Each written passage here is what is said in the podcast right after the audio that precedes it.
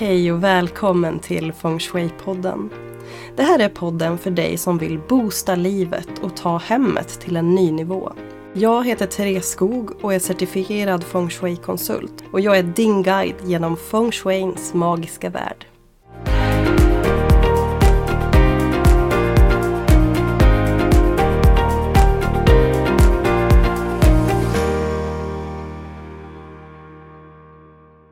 Hej kära, kära vänner! Eh, vi har kommit fram till den sista delen om de fem elementen.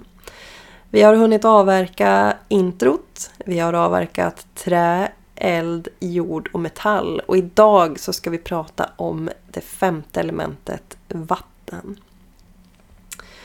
Och vatten är ju ett så häftigt element. För vatten är ju egentligen det enda elementet som verkligen kan byta skepnad. Eh, vatten kan finnas i fryst form, det kan finnas i form av ånga. Det kan vara lugnt och det kan vara forsande och det kan vara stora tsunamis och lugna hav. Och precis som vatten i sig så är faktiskt elementet väldigt varierande rent energimässigt. Vatten i sin naturliga form så är energin eh, ganska flödande och härlig. Eh, men energin kan också kännas orolig. Lite kanske opolitlig. Vattenelementet representerar eh, eh, en form av tystnad och mörker, lite mystik. Och när man pratar relation till de andra elementen så blir ju vatten förstärkt av metall. Vatten försvagas av trä. Och vatten står i kontrastrelation till eld. För häller du vatten på elden så slocknar den ju. Eh, medans jord och vatten, jord torkar ju upp, suger ju upp vattnet helt.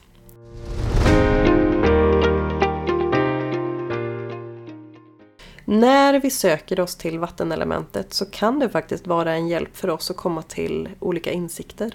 Eh, vattenelementet kan hjälpa oss att blicka inåt hjälpa oss att se livets olika skeenden. Och vattenelementet hittar du i till exempel eh, svart eller mörka blåa färgtoner. Kanske till och med andra mörka toner också. Eh, fria former, lite asymmetriska former. Jag tänk, brukar tänka så abstrakt konst. Liksom. Där kan det ofta vara vattenelement som blir det, det, över, det starkaste. Eh, glas eller slipad kristall blir vattenelement. Eh, och reflekterande ytor som speglar och högblanka bänkar till exempel blir vattenelement. Olika vattenarrangemang som små fontäner eller eh, vaser med vatten i blir också vattenelement. Och tavlor som föreställer vatten. Och när du väljer tavla med ett vattenelement eller ett motiv av vatten, var lite uppmärksam på vilken form vattnet är i. Eh, för att det sänder ut energi som, som kan påverka dig ganska starkt. Är det till exempel en tavla med en storm så kan det ge ganska stormig känsla att se den tavlan varje dag. Men är det istället en tavla med ett, ett lugnt hav där det är någon båt som guppar där framme så kan det ju kännas lite mer lugnt och harmoniskt och kanske hoppfullt. Stormen kan representera lite kamp och lite, alltså det blir lite jobbigt istället. Vissa av oss kanske gillar det, då är det bara att köra på. Som jag alltid säger, det viktigaste är alltid att lyssna till din känsla, vad du dras till och vad du tycker om.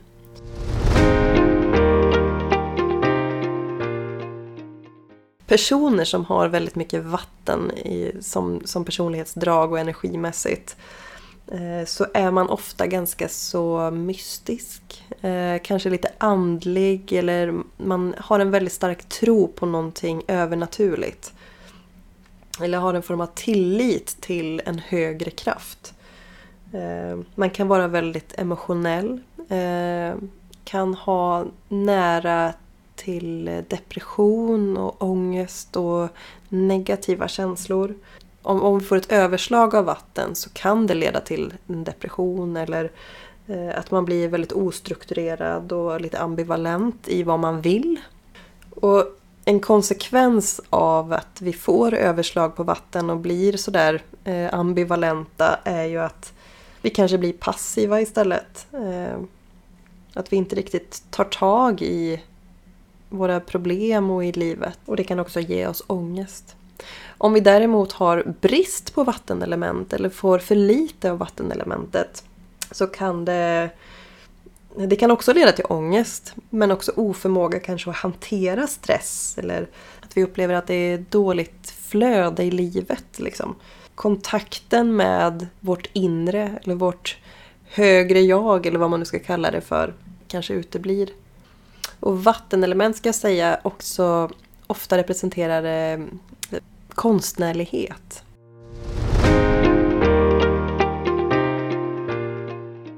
Och vatten kopplat till Bhagwan så pratar vi om området som, gör, som rör eh, karriär och livsväg.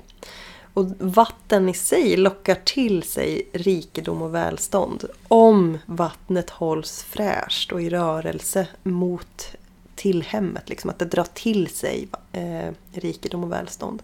Så vatten är ett härligt element när det sköts på rätt sätt, alltså tas om hand om. Och när det kommer i rätt form.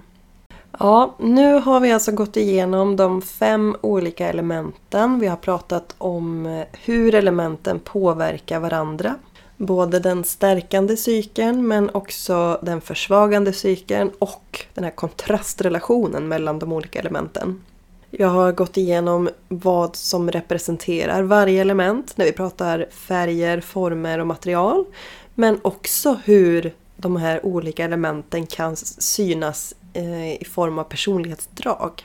Vad händer när vi får för mycket av ett element eller när vi får för lite? Är det något av de här elementen som du kände igen dig lite extra i när det kommer till hur du är som person? Eh, har du frågor eller funderingar om de här elementen? Är det något jag inte har svarat på? Skriv jättegärna till mig på skogliving.se eller på Instagram, det heter skogliving. Och glöm inte att gå in och betygsätt, lämna omdömen, lämna kommentarer. Hör av er! Jag blir så himla glad när ni hör av er till mig. Det gör att den här podden bara känns så rolig att spela in.